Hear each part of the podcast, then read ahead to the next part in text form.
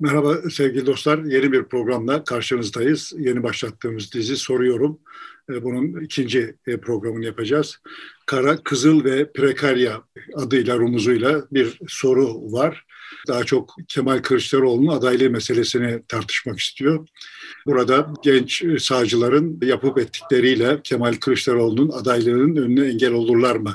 Onun seçilmesinin önünde bir baraj oluşturabilirler mi?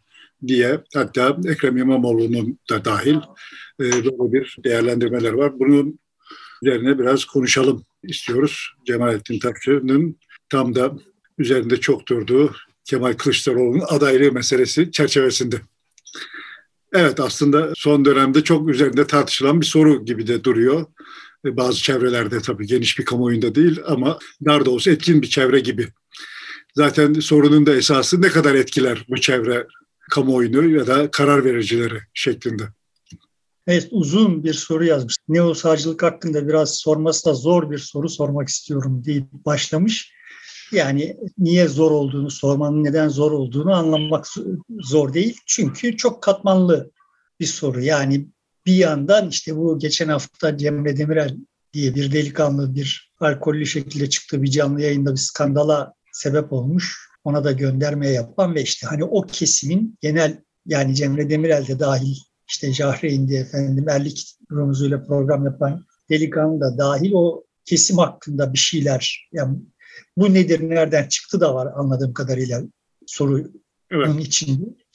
Ve işte bunların Kılıçdaroğlu'na yüklenirken kullandıkları argümanlar artı işte bu şiddet biçimde giderek dozu arttırarak Kılıçdaroğlu'nun üzerine gitmeleri ne manaya geliyor ve evet yani işte sonuçta bir de seçime gideceğiz. Anladığım kadarıyla şöyle varsayıyor izleyicimiz yani Kılıçdaroğlu aday olacak. Dolayısıyla da işte bu tavır, bu gençlerin bu tavırları bu seçimi kaybettirir mi?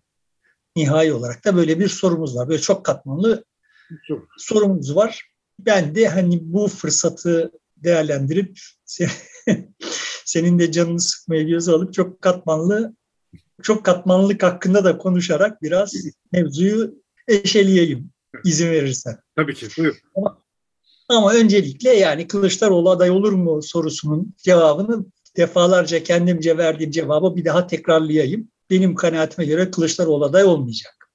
Öncelikle Engin Altay işte gönüllülerdeki aday değil dümdüz söylüyorum. Bizim adayımız Kılıçdaroğlu'dur falan dedi. Şimdi Bunlar söylenir ve sen gazeteci olarak benden daha çok yaşadın bunları.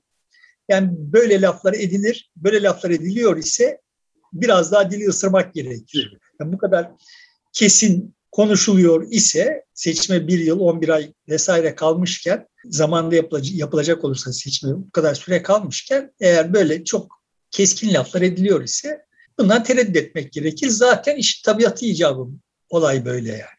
Ama benim bakış açım biliyorsun yani Kılıçdaroğlu'nun aslında aday olmayı zaten düşünmediğini ama kendi adaylığının tartışılmasından da memnun olduğunu düşündüğümü düşünüyorum. Neden böyle? İşte kimileri bu hali, bu iddiayı şöyle, benzer iddiayı şöyle bir temele yaslıyorlarmış. İşte asıl kafasındaki aday her kimse o yıpranmasın.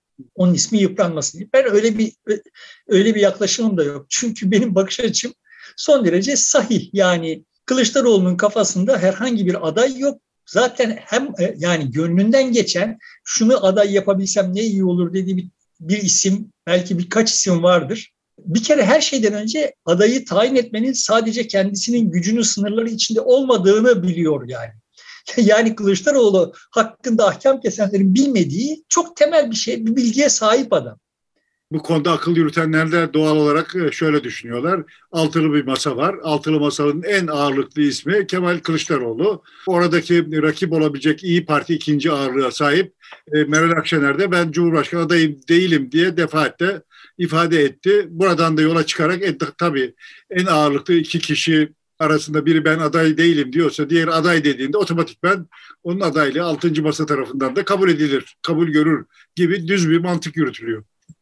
İşte bu hiç düz olmayan süreçler için çok düz mantıklar yürütülüyor. Benim de itiraz ettiğim husus bu düz mantıklar çalışmaz. Çünkü yani tekrar söylüyorum bütün bu mantıklara rağmen Kılıçdaroğlu tek başına bu adayı belirleme gücüne sahip olmadığını Yani altılı masadaki altı lider mutabık kalsa bile bu altı liderin altı genel başkanın bunların hangileri liderdir o da tartışma götürür. Altı genel başkanın gücünün bile böyle bir seçimde aday belirlemek için kafi olmayabileceğini hepsi biliyorlar yani.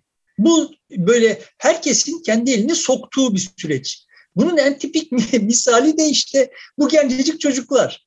Yani bunlar bu suyu bulandırabiliyor iseler yani orada işte encümenin daniş üyeleri burada CHP'nin bilmem hangi akil insanları işte falanları filanları yani Washington'ı Moskova'yı oyun işte kattığımız zaman kimlerin bu oyunu nasıl bulandırabileceğini hesaba kattığımız zaman bu oyunun içinde olan herkes biliyor ki şimdi bu adayı belirlemenin yolu yok, mümkünü yok. Çünkü işte evet oradan birisi elini sokacak, buradan birisi elini sokacak ve yani bu aday her kim olursa son düzlükte belli olacak. Onlar bunu biliyorlar. Sorun şu, onlar hakkında böyle her şeye kadir, öznelermiş gibi görmek onları, görenlerin dünya tasavvurları dünyanın gerçeğiyle uyuşmayacak kadar sade. Orada bir tane genel başkan varsa o genel başkanın dediği olur. O genel başkan kendisi niyet etmişse önüne geçilemez gibi böyle dandik dundik gerçekle hiç alakası olmayan yani bu gençler muhtemelen evli değillerdir. yani ama mesela kardeşlerinin veya annelerinin yapmak istedikleri şeyleri nasıl bozabiliyor olduklarını kendilerini veya o annelerinin, kardeşlerinin onların yapmak istediği şeyi nasıl bozabiliyor olduğunu defalarca yaşamışlardır. Hayat böyle şimdi bir karar vereceksin.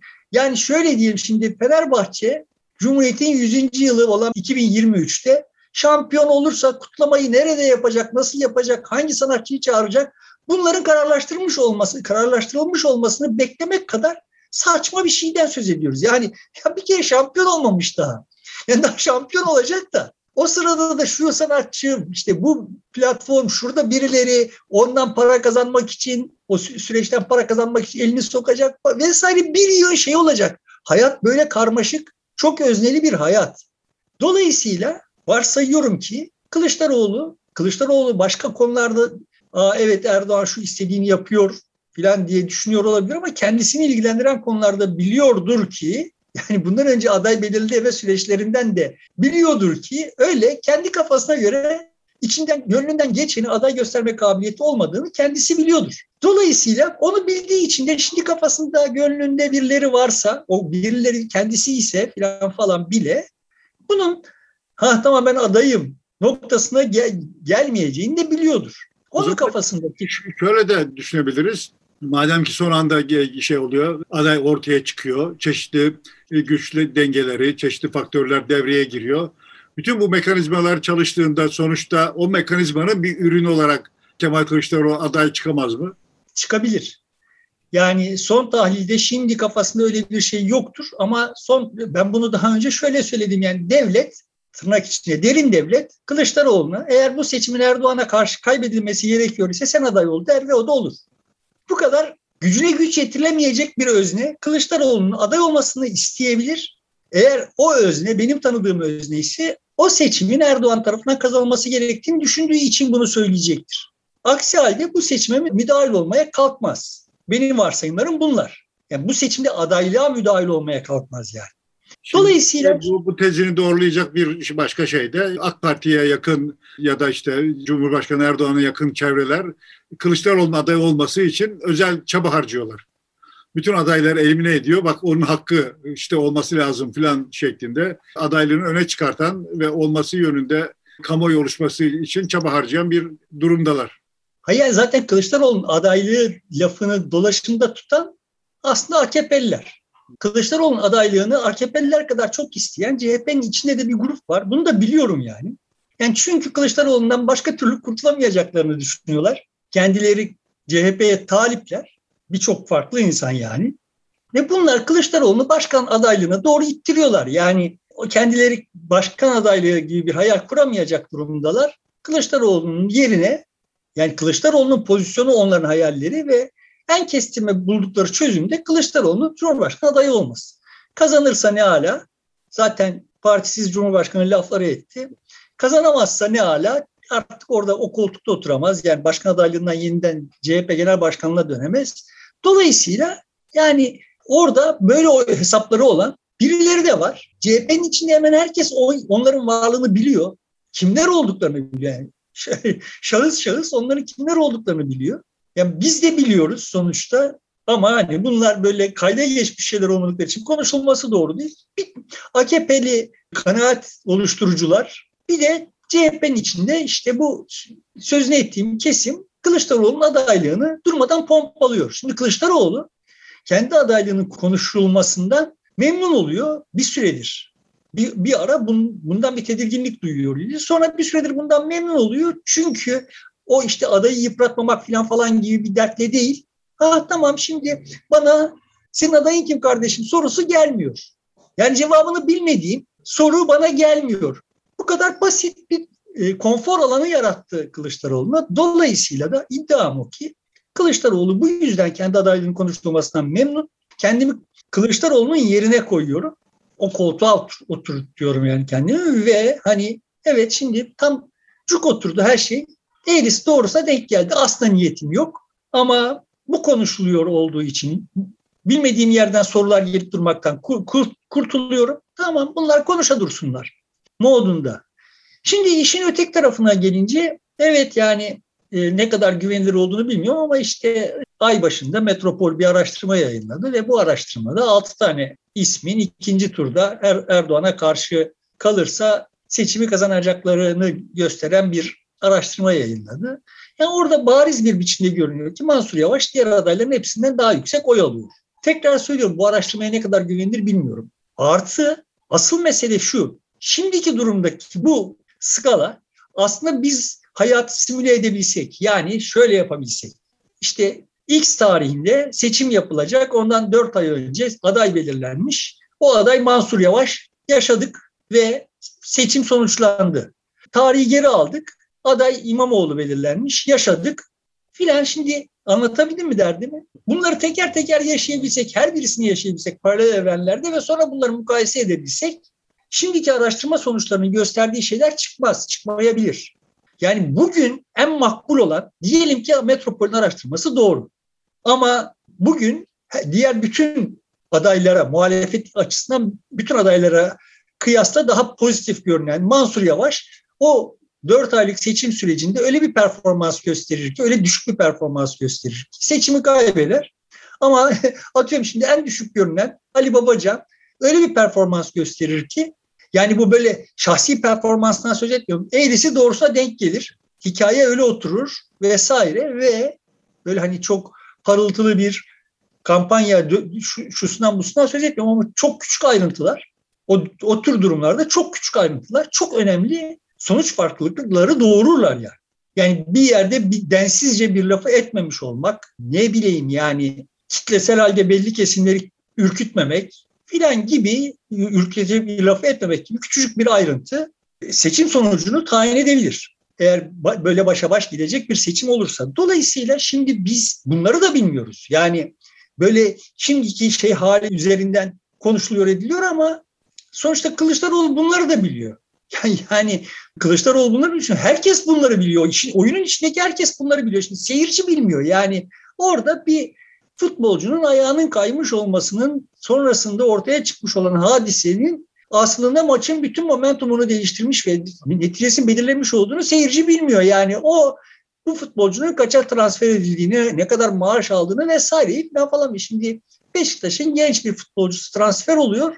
Hakkında konuşulanların yani ne kadar cehalet dolu olduğunu görüyorsun. Yani sosyal medyada konuşanlar zaten cahil, mazurlar da yani. Ama televizyonlarda falan böyle güya şey olarak yönetime giydirenler şunlar falan falan böyle yani nasıl bir ülkede yaşıyoruz anlamakta zorlanıyorsun. Yani 4,5 milyon avroya daha işte kendisini ispatlamamış bir çocuk transfer olacak. Siz 4,5 milyon avroya Beşiktaş'a bu çapta bir oyuncu transfer edilse kulübü basarsınız kulübün parasını boşa harcıyorsunuz falan filan diye yani. Yani şimdi vay şurada bu anlaşma niye yapılmamış da şöyle yap. Bunların yapılabilirliği var, yapılamazlığı var, kurallar var. Şu yaştaki oyuncularla şöyle anlaşmalar yapamıyorsunlar var vesaire vesaire bir yığın şey var. Yani arkasında senin asıl sorgulaman gereken şey niye? nasıl oluyor da Beşiktaş'ın altyapısına yetişmiş bir çocuk kendi kariyerini Beşiktaş'ta görmüyor da bir an önce yurt dışına ka- kaçmak istiyor sorusu sorulmadan böyle abuk sabuk yığınla yorum yapıyor. Şimdi benzer şeyler burada da böyle seyirci hadiseyi görür ve işte şıkır şıkır da ona çözümler üretir. Aslında hiçbirisi pratik olarak mümkün değildir yani. Dolayısıyla burada da oyunun içindeki oyuncular, aktörler neyin mümkün, neyin mümkün de değil kabaca biliyorlar. En başta bildikleri şey şu, bugünden aday belirleyemezler. Gelelim biz asıl sorunun en başına. Yani bu ne o sağcılar dediği yani işte hakikaten kendilerini takip etmiyorum, bilip etmiyorum ne olduklarını ama yaptıkları yapıp ettiklerinden üç aşağı beş yukarı haberdar oluyorum. Yani bu zevat nereden çıktı ve etkisi etki alanı ne kadardır? Bu sorunun cevabını çok iyi bilmiyorum. Yani bu Erlikler, Cahreynler efendim işte Cemre Demirel'ler falan ve birçok benzerleri bunların birçok benzeri var ve mantar gibi de bitiyorlar. Çünkü bereketli bir piyasa bu. Doğurdukça kendi kendisini büyüten bir piyasa. Görünen o. Dolayısıyla şimdi bu çocuklar nereden çıktılar? Bunlar çok da genç çocuklar ve iki soru çıkıyor yani buradan. Birincisi bu zihniyet, bu çocuklar bu zihniyeti nereden çıktı? İkincisi de yani bu küstahlık, bu tutum, bu tavır nasıl ortaya çıktı? Şimdi benim gördüğüm tablo, cevabını çok iyi bilmiyorum bunun ama benim gördüğüm tablo şöyle söyleyebilirim her şeye rağmen dilimi ısırmak, ısırıyor olduğumun bilinmesi kaydıyla. Muhtemelen buna benzerler bizim gençliğimizde de bizim etrafımızda vardılar. Ama böyle mecraları yoktu. Yani işte 3-5 tane dergi vardı. O 3-5 tane dergide yaza, yazabiliyor olanlar yazıyorlardı ve Ertuğrul Özkök'ün işte o tarihlerde yazdıklarına baksak ha işte bu çocukların söyledikleri laflar kadar dünya hakkında bir sağlam içerik idi yani. Yani Bülent Ecevit'in gençliğinde yazdıklarına baksak baktığımız zaman görüyoruz ki yani adam daha o zamanlar romantik hayal aleminde yaşayan bir adammış. Yani ettiği lafların dünyadaki gerçekliğe değdiği hiçbir yer yok yani. Dolayısıyla şimdi diyebiliriz ki evet yani bizim zamanımızda da böyle çok insan vardı ama bu kadar çok mecra yoktu. Dolayısıyla e, yani bunların varlığı bir yenilik değil. Ama görünen o ki bunlar zaman geçtikçe gün günden şirretleştiler, terbiyesizleştiler. Yani benim radarıma girmiş olanlar, ben kendini takip etmiyorum ama onlardan yapılan alıntılar falan falan geliyor arada bir. İki şey oldu. Bir, sahiden üslupları terbiyesizleşti. Hiçbir frenleri yok. İkincisi kendilerinde çok olağanüstü güç vehmettiler. Bu anlaşılabilir bir şey. Eğer bir kitleye ulaşabiliyor isen, o kitle seni alkışlıyor ise senin kendine güveninin artması, kendine güvenin artınca eğer yeterince donanımın yoksa terbiyesizleşmeyi de kendine hak görmen ve işte hem sesini yükseltmen hem de çok bilmiş konuşma çok anlaşılır bir şey. Cevap veren çok fazla olmadığı için ya da daha doğrusu kendi fikrini ifade eden insan sayısı çok fazla olmadığı için sosyal medyada bunlar için birbiriyle bilen ve etkili yaşayan grup sanki çok gelişmiş, çok büyükmüş gibi de ortaya çıkabiliyorlar. İşte o kendi güven artıyor. O arada da birileri işte bir takım itirazlar dile getiriyor. O itirazlar dile getirildiğinde bunların dengeleri bozuluyor. Orada terbiyesizleşiyorlar. Şimdi bu halbuki daha geleneksel medya ortamlarında yani işte dergilerde falan olduğu zaman böyle olmuyordu yani yazıyı yazıyordun. O çok terbiyesiz bir yazı olsa bile yayınlanmadan önce ya bir dakika bunu bir hani şu cümleyi şöyle değiştireyim falan diyor idin yani. O yazılar bir iki kişinin elinden geçiyordu sonra. Edit edilmiş oluyordu yani. Eğer öyleydiyse zaten o amenna ama ben Türkiye'de böyle edit süreçlerinde çok çalışmadığını zannederek konuşuyorum yani. Belki de konuda çok azımsıyorumdur bilmiyorum. Ama böyle anlık reaksiyonlar zaten hani o Cemre Demirel'in son yaptığı da görünüyor yani anlık reaksiyonlar artık dünyanın temposunun artmış olmasının sebebiyle bu tür reaksiyonlar anlık olmak zorunda ve anlık reaksiyonlarda olay böyle gelişiyor. Dolayısıyla dünyada yeni bir hadise ortaya çıktı diye bakmak çok da gerçekçi olmayabilir. Bizi yanıltabilir. Ama yeni bir hadise ortaya çıktıysa da o da çok anlaşılmaz değil. Çünkü yani yeni bir dünyada yaşıyoruz. Hemen her şeyle yeni bir dünyada yaşıyoruz. Dolayısıyla şimdi bu zevatın içerikleri hakkında konuşacak olursak Kara Kızıl ve Prekarya'nın sorusuna yaslanarak söylüyorum. Yani şimdi Kılıçdaroğlu hakkında ne diyorlarmış? Yeni RT diyorlarmış. Ne diyorlarmış? HDP eşittir PKK ile işbirliği yaptığını söylüyorlarmış. Ne diyorlarmış? İslamcı diyorlarmış. Ne diyorlarmış? Atatürk'e düşman diyorlarmış. Ne diyorlarmış? Mülteci sever diyorlarmış. Ne diyorlarmış? Gizli AKP'li diyorlarmış. Ne diyorlarmış? Solcu diyorlarmış. Şimdi yani bunlar bir arada bulunabilecek şeyler değil. Yani hem solcu hem Atatürk düşmanı hem yeni Erdoğan hem gizli AKP'li filan falan bütün bunların birden olmasına imkan yok bir insanın. Ama işte böyle bir özneye yüklenilmesi gerektiğinde birbirle çelişen böyle lafların bir tek ağızdan bile çıkması yeni bir şey değil. Bu da yeni bir şey değil değil mi? Yani sonuçta bunun içinde yaşadık. Eğer birisine sosyal faşist deyip de yaftalamış isek artık onun CIA ile bağlantısında, Moskova ile bağlantısında konuşabiliyorduk. Yani aynı cümlenin içinde bunları söyleyebiliyorduk filan. Temel mesele o özneyi yıpratmak, onu susturmak vesaireydi. Şimdi görünüyor ki burada yani acıklı olan şey o ki kendilerine konuşma imkanı bahşedilmiş teknoloji sayesinde. Genç yaşta kendilerine konuşma imkanı bahşedilmiş olan bu çocuklar başkalarının konuşmalarına çok da saygılı değiller. Başkalarını susturmak gibi hevesleri çok baskın. Yani kendileri tarif ettikleri tanımları çok daha uyuyorlar aslında. Evet, çok yeni teknolojiyle çok eski bir oyun oynuyorlar. Yani. Evet. Bu açıdan evet sağın tırnak içinde uçtaki sağın, aşırı sağın tutumu zaten hep buydu. Başından beri buydu ve evet bunlar kendi mensup oldukları ailenin adabını tevarüs etmiş gibi görünüyorlar. Yani kendileri konuşmakla yetinmiyorlar. Kendileri bize bir şeyi bir takım bilgiler aktarmak, bizi ikna etmeye çalışmakla yetinmiyorlar yani. Kendileri gibi olmayan herkesi şu veya bu biçimde susturmak, yani işte foncu demek, yani ben bu fonculuk falan falan tartışmaların da en çok bunlardan çıktığını duydum yani. Bana öyle geldi hep yani. Yani kendileri, kendi, onların söylemediğini söylediği zaman işte PKK'lı terörist ne aklına geliyorsa yani. Hiçbir frenleri yok. Ve bu evet doğru, bu da yeni bir şey değil. Bu da çok klasik sağ taktiktir yani. Yani yarın öbür gün işte televizyon kameralarının karşısında donunu indirmekten silah çekmeye de geçebilirler. Şahsen teker teker bu insanları tanımıyorum dedim, takip etmiyorum ama üsluplarındaki gidişat böyle bir şey yani. Ve evet son tahlilde bunların etki alanı görünüyor ki kendi akranları. Çünkü işte o da bizim zamanımızda da böyleydi. Kestirmeden, kısa yoldan dünyaya biçim verip vermek, dünyayı hal yoluna koymak, şöyle bir bütün aksaklıkları gidermek gibi şeyler kestirmeden bunların yapılabilir olduğu zannı gençlerde yaygındır.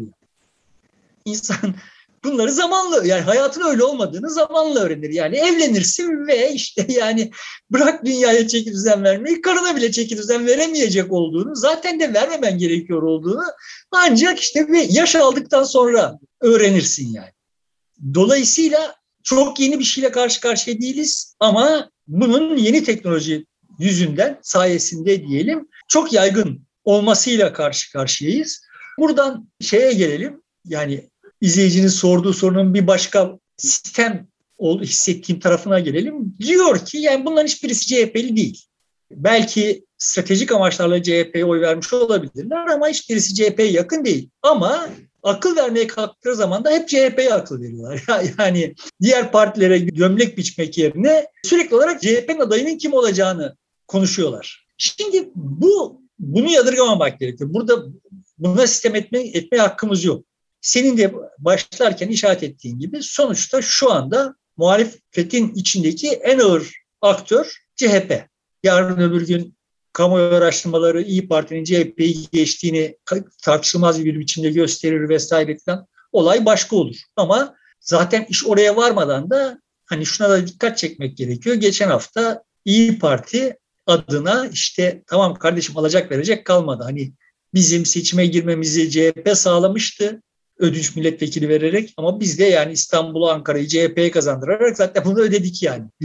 Şimdi artık hani böyle yarın öbür gün bizim karşımıza tamam da siz bize borçlusunuz dolayısıyla bizim adayımızı desteklemek durumundasınız da gelmeyin mealinde laflar söylenmeye başladı. E evet bu zaten oraya varırdı. Bu şunun işareti yani İyi Parti demeye çalışıyor ki görünen o ki yani bu da daha önce seninle konuştuk. Buralarda da konuştuk diye hatırlıyorum. İyi Parti'nin içinde de CHP'ye CHP ile bu kadar iç içe olmanın yarattığı sonuçta ülkücü tabanı olan ülkücü demeyelim de milliyetçi tabanı olan CHP ile mesafesi olan insanların insanlardan oluşan baskın bir tabanı olan bir parti iyi Parti ve onlar da kendi teşkilatlarında muhtemelen ya kardeş bu CHP'ye de bu kadar yüz vermeyin türü eleştirilere muhatap oluyorlardır ve bu da partinin üst kesimlerine geliyordur yani. Beklendik bir şey bu da ve İyi Parti bu konuda öyle kolay lokma olmayacağını gösterecektir zaten. Hani göstermediyse gösterecektir. Ama göstermeye başladı zaten birçok şeyde. Burada hani şeyi atlamayalım. Meral Akşener'in ben başbakan adayıyım demesi yani ben başkan adayı olmayacağım demesi aslında taktik bir hamle. Yani ha tamam şimdi başkan CHP'den olsun ben de başbakan olayım gibi bir şey olduğunu düşünüyorum. Zaten sembolik bir başkan olacak. Ben orada kendi adımı bir daha yarışa sokup da yıpratmayacağım. Yani akıllıca bir hamleydi.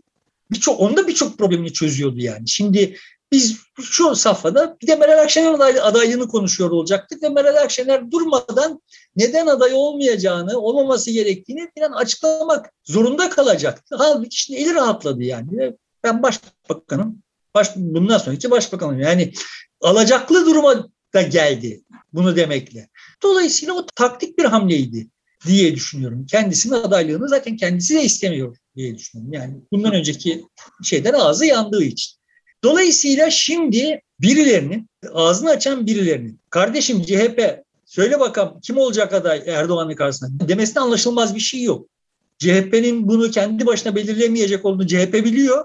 Karşıdakilerin ama yani bu Türk futbolunun hali nedir diye Sivas Spor'a, Kahramanmaraş Spor'a, Çemişgezek Spor'a sormazsın. Fenerbahçe'ye, Galatasaray'a sorarsın yani. Tablo böyle bir şey.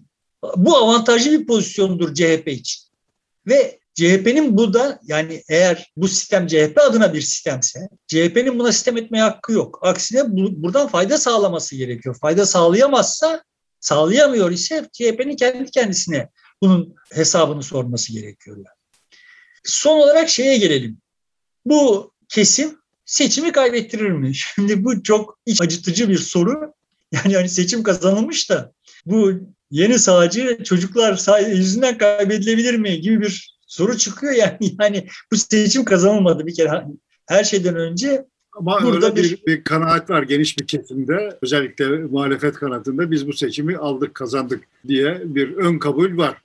Bu bazen iyi bir şeydir ama bazen de kötü olabiliyor tabii. Her şeyin iyi tarafı var, kötü tarafı var. Yani sen sonuçta işte et yediğin zaman protein alıyorsun ama işte şu tür birikimler oluyor vücuduna filan yani her şey pozitif yani et yemeyip karbonhidrat yersen onun başka faydaları var, başka zararları var gibi yani son tahlilde her şey hayattaki her şey böyle. Bunların olumsuz olanlarını yönetebiliyorsan, olumlu olanlarından faydalanabiliyorsan başarılı bir iş yapmış oluyorsun. Şimdi bu başarılı işi yapabilecekmiş gibi görünmüyorlar bana. Benim benim de ısrarlı içinde söyleyemeye çalıştım. Yani meseleye toplumsal bazda baktığım zaman, yani toplumun hazır olması düz, düzleminde baktığım zaman evet bence de Erdoğan bu seçimi alamaz.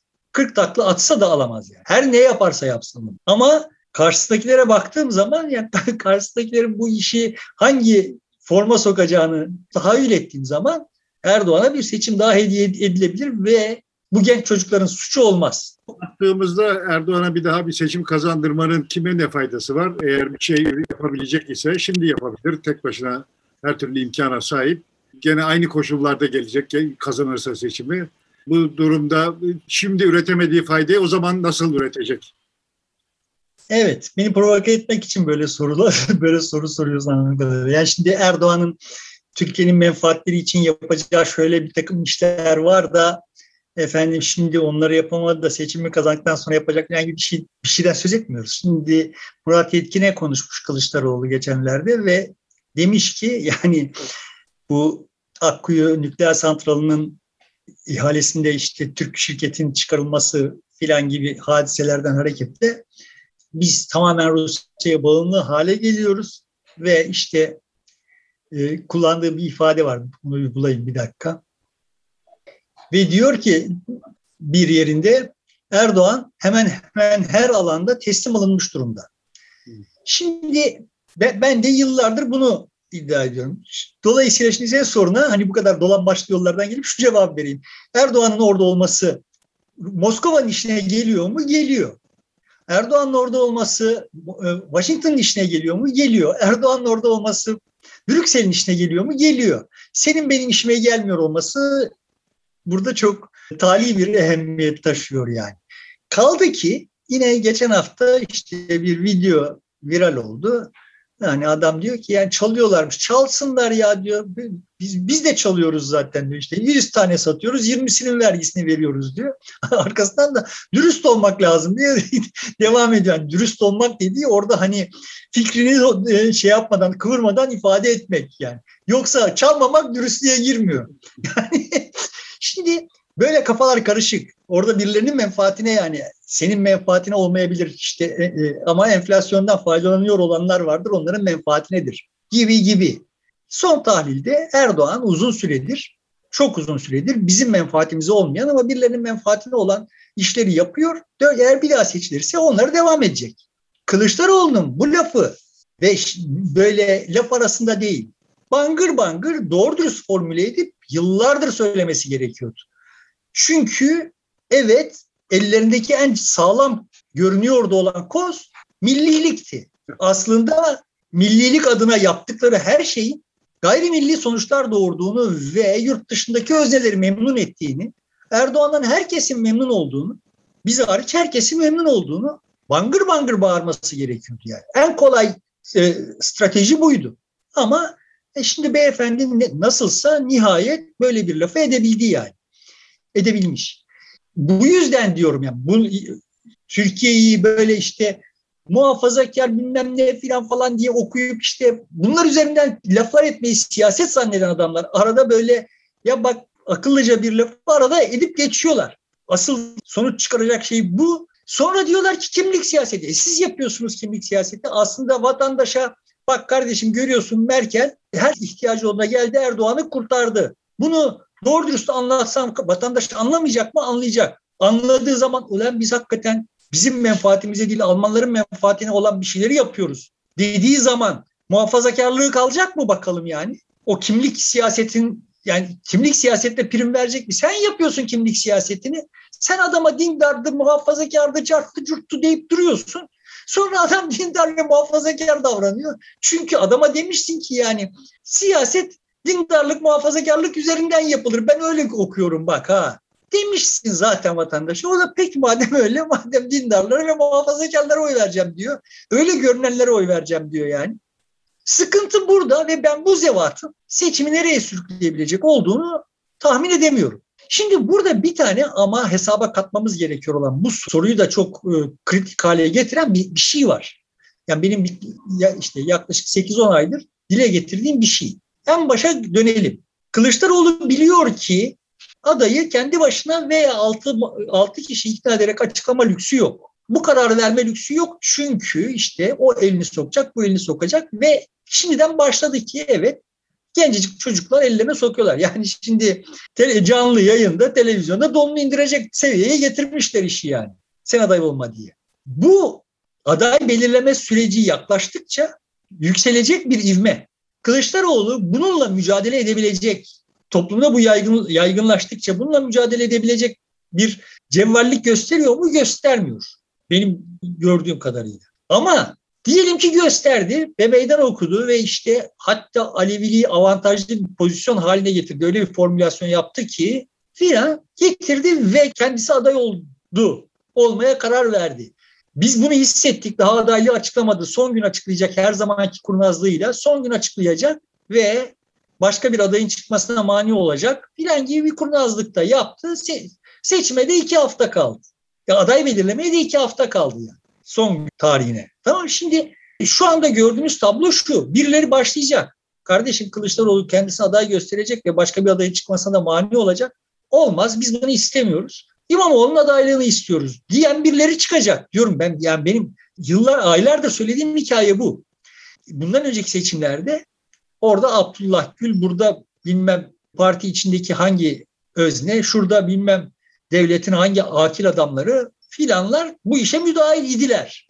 Emekli generaller, emekli büyükelçiler filan bu işe müdahildiler. Ama ilk defa toplum bu kadar bariz bir biçimde müdahil olacak bu seçimde. Bunu söylemeye çalışıyorum. Bunun işaretlerini alıyoruz. Ya ben zaten bunu aylardır söylüyorum. E şimdi bu bunun işaretlerinden bir tanesi. Bu çocukları Kılıçdaroğlu'nun adaylığı ihtimali karşısında Mansur Yavaş için imza toplamakta alıkoyabilecek bir güç var mı? Yok. Bu iş şuraya varabilir bak. bu seçimde biz vatandaş olarak milyonlarca imza toplayıp adaylar gösteririz. Toplanan meclisin yaptığı ilk iş anayasa değişikliği yapıp 600 imzayla bundan sonraki Cumhurbaşkanlığı seçiminde imzayla aday gösterilmesini engellemek, engellemeye kalkmak olabilir yani. İşte oralara varabilir toplumu oyunun dışına itmek için. Şimdi kadar bir deliği var bu sistem ve bu delikte istifade edecek. Bu çocukların bu neresinden baksan terbiyesizliğe ulaşmış, hadsiz hesapsız şehveti ama bu, bir taraftan da bu fırsatı barındırıyor içinde. Ve ilk defa sahiden de sıradan insanları hesaba katmak zorundalar.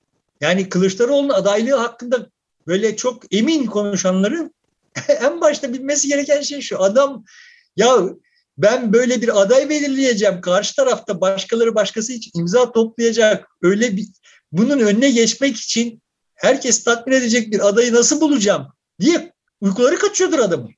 Başkaları aday gösterebilir imza toplayarak ama adam ben aday değilim diye vazgeçebilir. İstifa çekiliyorum diyebilir adaylıktan. Tabii ki diyebilir. Yani kendi senin için 4 milyon tane imza toplanmış olsun. Yani sağda solda işte böyle clubhouse toplantıları şunlar bunlar yapılır olsun diyebilir misin yani öyle bir şey? Onu dediğin zaman bittin yani. Evet. Siyasetten bittin. Bir daha ondan sonra Ankara Büyükşehir Belediye Başkanlığı da yaptırmazlar sana. Yani kalan sürede onu da yaptırmazlar yani. Öyle bir şey yapabilir misin? Ki kaldı ki görünüyor ki zaten öyle bir şey öyle bir durumda yok ben istemiyorum demeyecek adamlar bunlar. Yani görünüyor yani şimdiye kadar yaptıklarından biz bunu görüyoruz. Yani istemem yan cebime koy deyip duruyorlar. Hatta isterim yan cebime de koy diyorlar ya. Dolayısıyla o ham hayal.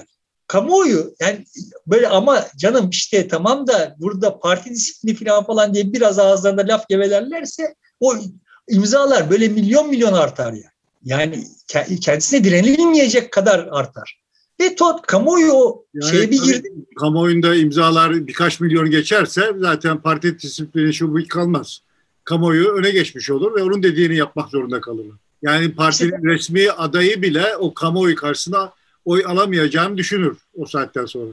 Evet yani dolayısıyla şimdi biz böyle bir seçime gidiyoruz gibi görünüyor ve Kara Kızıl ve Prekarya'nın işaret ettiği bu süreç aslında başka diğer hususlar bir yana tam da bu benim sözünü ettiğim şeyin öncü işaretleri.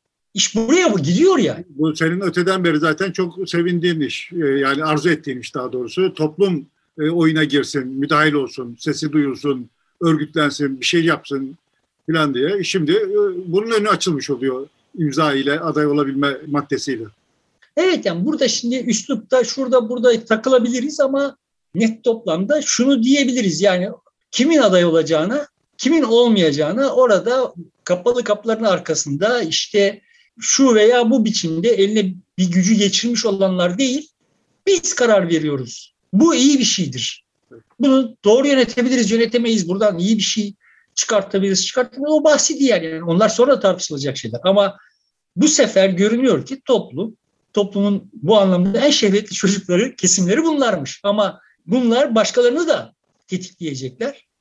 Ve burada bir bir fırsat var yani. O fırsat kullanılacak. Toplumlar böyle böyle fırsatları ıskalamazlar. Yani önüne bin yılda bir top düşmüş. Buna vurmazsa olmaz. Yani buna vuracak toplum. Benim bakış açım böyle. Şimdi bu, bunun örne örneğini e, bir şeyde gördük. Tercihli oy kullanılmıştı milletvekillerinde liste vardı. Onlardan siz arkadakini öne getirebiliyor idiniz. E, bir kısmı böyle seçilmişti mesela. Millet hemen kullandı onu. Sonra hemen kaldırdılar evet. arkasına zaten. Evet. İşte yani ben de bu anlamda toplumun aktif olma imkanını ıskalamayacağını düşünüyorum. Dolayısıyla bunları hesaba katmadan yani o yüzden hani böyle çok katmanlı vesaire derken kastım yani burada böyle bir takım işler oluyor ve sanki bunlar hiç olmuyormuş gibi hangi, hala sanki bilmem hangi tarihte yaşıyormuşuz orada bir adam böyle. Ya bundan önceki adayları bile bugünküyle kıyaslandığında çok daha belirleyici olduğu seçimlerde bile Kılıçdaroğlu kendi kararını kendisi veremedi. Yani şimdi durum hiç öyle değil. şimdi görünüyor ki toplum gaz almış durumda ve böyle ahkam kesilmesini anlamıyorum ben. Yani benim asıl derdim burada sorulan sorudaki şey değil. Yani nasıl oluyor da buradan Kılıçdaroğlu'nun adaylığının kesinleştiği hakkında böyle bir takım yorumlar yapılabiliyor anlamıyorum. Yani ya kardeşim bak bu mümkün değil yani. Mümkün olsaydı bile şimdi Kılıçdaroğlu bundan emin olamaz. Nasıl çıkartıyorsunuz da bu varsayım üzerine yani bu bir veriymiş gibi bunun üzerine konuşulmasını sahiden aklıma almıyor yani. Dolayısıyla da işte böyle aslında tablo şöyle bir şey. Yani bu bak bu kadar kesin değil. Bak ortada bir de şu var. Şöyle de katmanlı bu sistem. Bu, bu kadar kar, karmaşık ilişkiler var falan filan dediğin zaman kimse de seni dinlemek istemiyor. Çünkü herkesin işi gücü var. Böyle hap gibi bir şeylere ihtiyacı var. E yani onu kim veriyor? İşte şimdi bu çocuklara bu her şeyi hap haline getirme işini kim verdi? Okudukları okullar verdi. Hepimiz böyle yerlerden çıktık. Ya bir dakika bak dünya o kadar basit değil dediğin zaman zaten üçüncü dakikada adam seni kapatıyor. Yani o dünya bu kadar basit diyenleri, gerçekliğe uysa da uymasa da o dünya bu kadar basit diyenleri izlemeyi tercih ediyor. Dolayısıyla hani konuşanlar da öyle konuşmayı tercih ediyorlar artık basitleştirerek ama yani gerçeklik öyle değil. Ve dolayısıyla Kılıçdaroğlu'nun adaylığı çok zor bir iş. Hiç imkansız demiyorum. Yani iş şuraya da varabilir. Birileri bu tür birileri işte Kılıçdaroğlu'nun aleyhinde başka adaylar için imza toplamaya başladığında bu sefer de birileri örgütlenip Kılıçdaroğlu'nun adaylığı için imza toplamaya başlayabilir. Demeye çalıştığım şey bu. bu bugünün Türkiye'sinde, bugünün atmosferinde bambaşka yerlere de gidebilir sistem ve seçim. O durumda Kılıçdaroğlu mesela parti teşkilatında çalıştırarak 2 milyonun üzerinde çıkabilir. Yani diğerlerinin imzasından daha fazla da imza toplayabilir ya. Yani imza yarıştırmaya kalkarsak işin nereye varacağını tahmin etmek kolay değil. Bunu bilmiyorum yani. Böyle parti teşkilatı girerse işin içine Kılıçdaroğlu istediği kadar imza toplamayabilir, toplayamayabilir. Bu iş son tahlilde tayin edici olan toplum olduğu zaman olay şöyle olacak. Yani tam da burada olduğu gibi ben formülasyonumu şöyle yapmıştım hatırlarsın. Erdoğan'ı devirme işini Kürtsüz yapmak istiyoruz diyenler Mansur Yavaş'ın arkasında duracaklar. Yo bunu Kürtler, Kürtlerle ortak yapmak istiyoruz diyenler İmamoğlu'nun arkasında duracaklar. Şimdi kardeşim ya bir dakika çoluk çocuk bu işe bulaştı biraz şey aklı lazım diyenler. Yani hikayelerin nasıl şekilleneceğine bağlı olarak ben Mansur Yavaş'ın arkasında duran bu işte zıpır çocuklara karşıyım. İmamoğlu'nun arkasında duran şu zevzek menfaat şebekesine işte Karadeniz müteahhitlerine karşıyım. Ha o yüzden Kılıçdaroğlu şimdi haline gelebilir olay. Yoksa yani bu isimlerin kendilerinin bir manası yok. Ben şimdi kime karşı, kimin yanında pozisyon alacağım deyip duruyorum ya hep. Bu belirleyici olur. Orada yani işte şimdi görünüyor ki bizi izleyen arkadaşımız bu delikanlıların tutumlarından rahatsız. Yani bunlar nerede dururlarsa o karşı, karşısında bir yere gidecek yani. Tablo böyle oluyor. Yoksa şimdi şahsen onun Mansur Yavaş hakkında çok da olumsuz bir kanaati olmayabilir. Orada bir, Ama, bir şey daha soruyor soruyu soran arkadaş. Diyor ki bunlar Erdoğan'a gidip oy verecekler. Eğer Kılıçdaroğlu aday olursa. Bunu örgütleyebilirler mi? Erdoğan kazansın e, Kılıçdaroğlu yerine diye. Yani iş tabii ki böyle ha bak madem Kılıçdaroğlu'na aday gösterdiniz biz de Erdoğan'a oy veriyoruz olmaz. Ama Kılıçdaroğlu'na aday gösterilmesi sürecinde öyle bir atmosfer oluşur ki biz bu atmosferlerin içinde ve birbirimize bakarak oy veriyoruz. Tekrar tekrar söylüyorum. Öyle bir atmosfer oluşturur ki bu Kılıçdaroğlu adaylığı. Ha ulan bunlar toplumu zerre kadar iplemiyorlar. Halbuki Erdo Erdoğan bunu öyle kullanır ki bak işte sizin isteğinizle falan falan gibi Ha, tamam o zaman toplumu iplemiyor olmalarını cezalandırmak için Erdoğan'a oy verilebilir. Erdoğan aldığı oyu zaten hep böyle aldı. Erdoğan çok matah bir şey olduğunu almadı ki. Dolayısıyla şimdi seçimin hikayesinin nereye doğru evrileceğini bilmiyoruz. Bir şeyi bilmiyoruz. Bu seçim o yüzden böyle kazanılmış bir seçim. Hiçbir seçim kazanılmış bir seçim değildir. Bu seçim öyle kazanılmış bir seçim değil ve sahnedeki oyuncuların oyun kabiliyetlerine baktığımız zaman da bu oyuncularla bu süreci yönetmek kolay görünmüyor ama ilaveten toplum bu maça müdahil yani. Ya, ya, yani seyirci değil, oyuncu toplum. Artık bu seçim için oyuncu. Dolayısıyla da böyle kestirmeden akıllar yürütmek çok mümkün değil. Dediğim gibi biz yani olay bambaşka şekilde de gelişebilir. Yani biz bir iç savaşı benzeri bir şey yaşıyor olabiliriz seçim öncesinde veya savaş ortamına girebiliriz veya yani daha benim açımdan şimdiki son haftalardaki gelişmelere bakarak yani iş şuraya varabilir yani. Yani kardeşim bak Erdoğan aslında vesayet düzenini yıktı. Biz de o yüzden onun arkasında durmak zorundayız diyen kesimler aa bak daha hala orada sisteme müdahil olan birileri varmış ve onlar bu kimin aday olduğuna, muhalif adayın kim olduğuna onlar karar verdiler. Yani işte masonlar, Yahudiler vesaire falan falan hikayesini üretecek, bunu inandırıcı kılacak bir şeye doğru götürülebilir Türkiye. Götürebilir yani Erdoğan. Bir iki haftada olup bitenler böyle bir oyunun imkanları araştırılıyormuş gibi görünüyor. Yani bu Levent Göktaş hadisesi vesaire. Kemal Kılıçdaroğlu aday olmadığında doğal olarak söyleyebilir. Bak istedi o kadar çok istiyordu ama onu bile aday yapmadılar. Orada bir güç var, dış güç bunlar falan değil. Çok rahatlıkla onu kamuoyuna aktarabilir. Yani işte tabii sadece bununla olmaz ama bunun yanına yamacına bir takım şeyler konmuş olursa o tarihe kadar ve yani bu yeniden Türkiye'de derin devletle toplum arasındaki bir maç haline getirilir ve bunlar da böyle Aa, ama bir dakika biz orada oynamıyorduk durumuna düşerlerse seçim çok trajik yerlere gidebilir yani. Evet. Burada bitirelim mi? Var mı daha kalan bir taraf? Tamamdır o zaman. Peki çok teşekkür ediyoruz. Kara Kızıl ve Prekarya Rumuzlu arkadaşın sorduğu soruya olabildiğince cevap vermiş diye sayıyoruz kendimizi. Umarım öyledir. Teşekkür ediyoruz hem soru için hem de bize destek veren herkes için. Sağ olun. Şimdilik hoşçakalın.